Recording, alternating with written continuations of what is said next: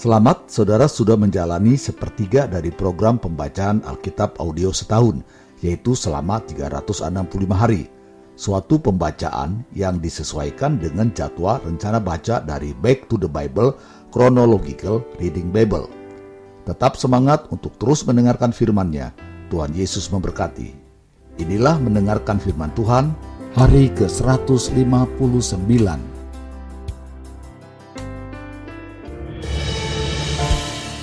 Amsal pasal 16 ayat 1 sampai 33. Manusia dapat menimbang-nimbang dalam hati, tetapi jawaban lidah berasal daripada Tuhan.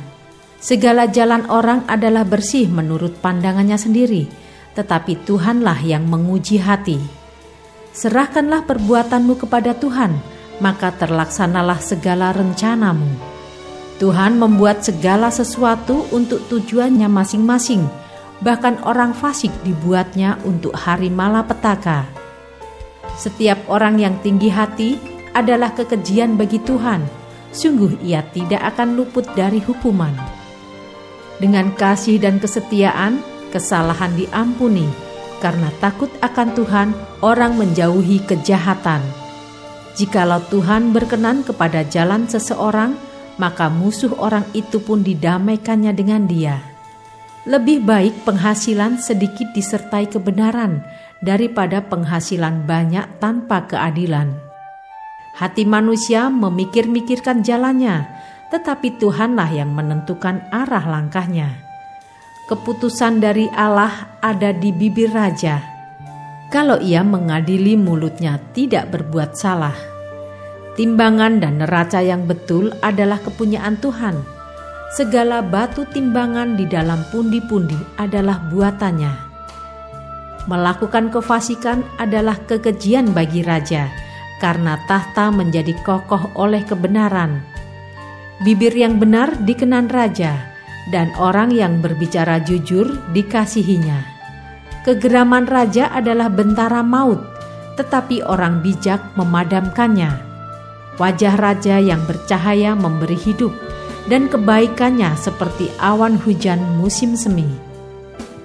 Memperoleh hikmat sungguh jauh melebihi memperoleh emas, dan mendapat pengertian jauh lebih berharga daripada mendapat perak. Menjauhi kejahatan itulah jalan orang jujur. Siapa menjaga jalannya, memelihara nyawanya. Kecongkakan mendahului kehancuran, dan tinggi hati mendahului kejatuhan lebih baik merendahkan diri dengan orang yang rendah hati daripada membagi rampasan dengan orang congkak. Siapa memperhatikan firman akan mendapat kebaikan, dan berbahagialah orang yang percaya kepada Tuhan. Orang yang bijak hati disebut berpengertian, dan berbicara manis lebih dapat meyakinkan.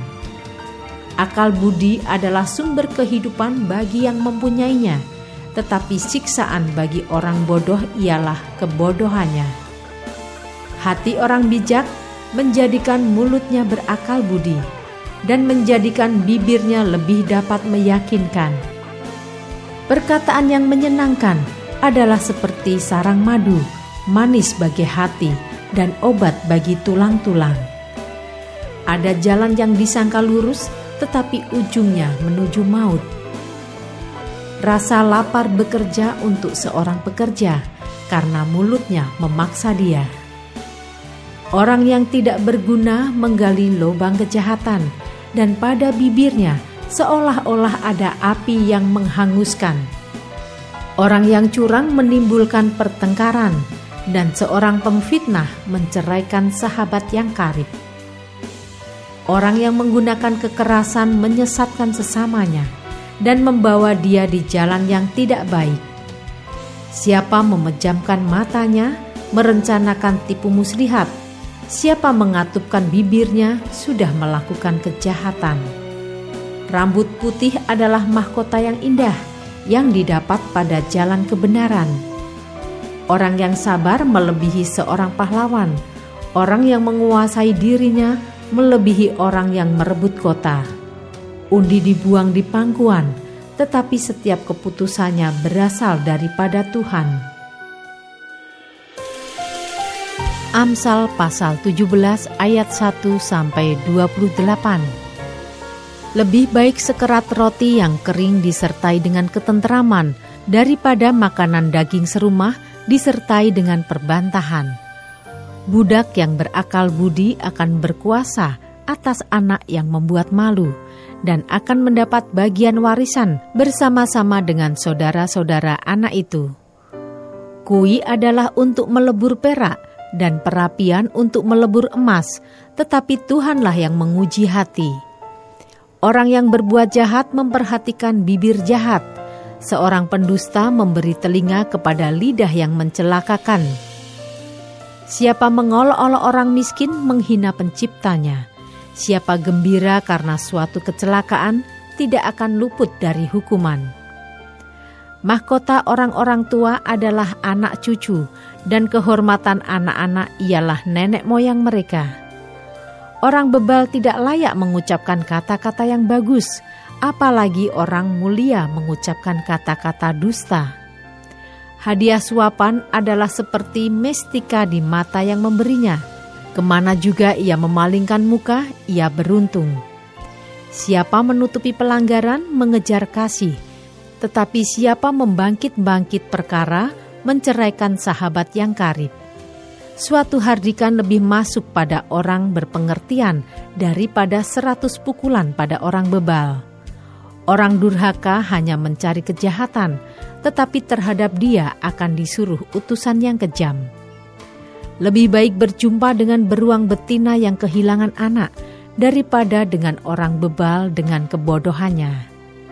Siapa membalas kebaikan dengan kejahatan, kejahatan tidak akan menghindar dari rumahnya. Memulai pertengkaran adalah seperti membuka jalan air, jadi undurlah sebelum perbantahan mulai. Membenarkan orang fasik dan mempersalahkan orang benar, kedua-duanya adalah kekejian bagi Tuhan. Apakah gunanya uang di tangan orang bebal untuk membeli hikmat? sedang ia tidak berakal budi. Seorang sahabat menaruh kasih setiap waktu dan menjadi seorang saudara dalam kesukaran. Orang yang tidak berakal budi ialah dia yang membuat persetujuan yang menjadi penanggung bagi sesamanya. Siapa suka bertengkar, suka juga kepada pelanggaran. Siapa memewahkan pintunya, mencari kehancuran. Orang yang serong hatinya tidak akan mendapat bahagia. Orang yang memutar-mutar lidahnya akan jatuh ke dalam celaka. Siapa mendapat anak yang bebal, mendapat duka, dan ayah orang bodoh tidak akan bersuka cita. Hati yang gembira adalah obat yang manjur, tetapi semangat yang patah mengeringkan tulang. Orang fasik menerima hadiah suapan dari pundi-pundi untuk membelokkan jalan hukum. Pandangan orang berpengertian tertuju pada hikmat, tetapi mata orang bebal melayang sampai ke ujung bumi. Anak yang bebal menyakiti hati ayahnya dan memedihkan hati ibunya. Mengenakan denda orang benar adalah salah, memukul orang mulia pun tidak patut. Orang yang berpengetahuan menahan perkataannya, Orang yang berpengertian berkepala dingin. Juga orang bodoh akan disangka bijak kalau ia berdiam diri dan disangka berpengertian kalau ia mengatupkan bibirnya.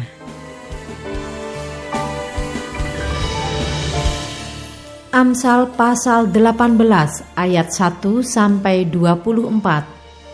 Orang yang menyendiri mencari keinginannya, amarahnya meledak terhadap setiap pertimbangan Orang bebal tidak suka kepada pengertian, hanya suka membeberkan isi hatinya.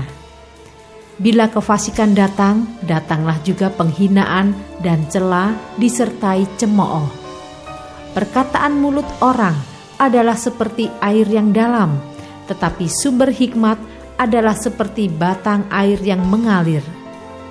Tidak baik berpihak kepada orang fasik dengan menolak orang benar dalam pengadilan Bibir orang bebal menimbulkan perbantahan, dan mulutnya berseru meminta pukulan. Orang bebal dibinasakan oleh mulutnya, bibirnya adalah jerat bagi nyawanya. Perkataan pemfitnah seperti sedap-sedapan yang masuk ke lubuk hati. Orang yang bermalas-malas dalam pekerjaannya sudah menjadi saudara dari si perusak. Nama Tuhan adalah menara yang kuat. Ke sanalah orang benar berlari dan ia menjadi selamat. Kota yang kuat bagi orang kaya ialah hartanya, dan seperti tembok yang tinggi menurut anggapannya. Tinggi hati mendahului kehancuran, tetapi kerendahan hati mendahului kehormatan. Jikalau seseorang memberi jawab sebelum mendengar, itulah kebodohan dan kecelaannya. Orang yang bersemangat dapat menanggung penderitaannya, tetapi siapa akan memulihkan semangat yang patah? Hati orang berpengertian memperoleh pengetahuan, dan telinga orang bijak menuntut pengetahuan. Hadiah memberi keluasan kepada orang, membawa dia menghadap orang-orang besar. Pembicara pertama dalam suatu pertikaian nampaknya benar, lalu datanglah orang lain dan menyelidiki perkaranya. Undian mengakhiri pertengkaran dan menyelesaikan persoalan antara orang-orang berkuasa. Saudara yang dikhianati lebih sulit dihampiri daripada kota yang kuat dan pertengkaran adalah seperti palang gapura sebuah puri. Perut orang dikenyangkan oleh hasil mulutnya, ia dikenyangkan oleh hasil bibirnya. Hidup dan mati dikuasai lidah, siapa suka menggemakannya akan memakan buahnya. Siapa mendapat istri, mendapat sesuatu yang baik, dan ia dikenan Tuhan. Orang miskin berbicara dengan memohon-mohon, tetapi orang kaya menjawab dengan kasar. Ada teman yang mendatangkan kecelakaan, tetapi ada juga sahabat yang lebih karib daripada seorang saudara. Tetap semangat, teruskanlah mendengarkan firman Tuhan. Sampai jumpa esok hari.